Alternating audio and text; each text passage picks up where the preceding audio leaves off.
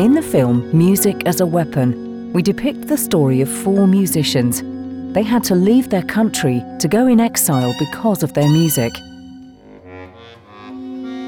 There's Patricio Wang, the composer. He had to flee from Chile for the repressive Pinochet regime. There's Miguel Estrella. He was in prison. He was tortured. To survive, he translated everything into music inside his head. His agony became Bach. There's Cheikh Tidiane Seck. He's from Mali. He's called the Black Buddha. He's concerned about the music in his country.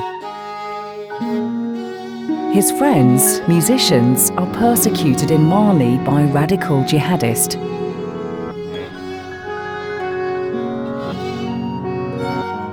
This is Serge Kassy. He's in exile in Paris and cannot go back to his country, Ivory Coast. His music and lyrics are not valued. It is said to provoke violence. Even in Paris, he has to fear for his life.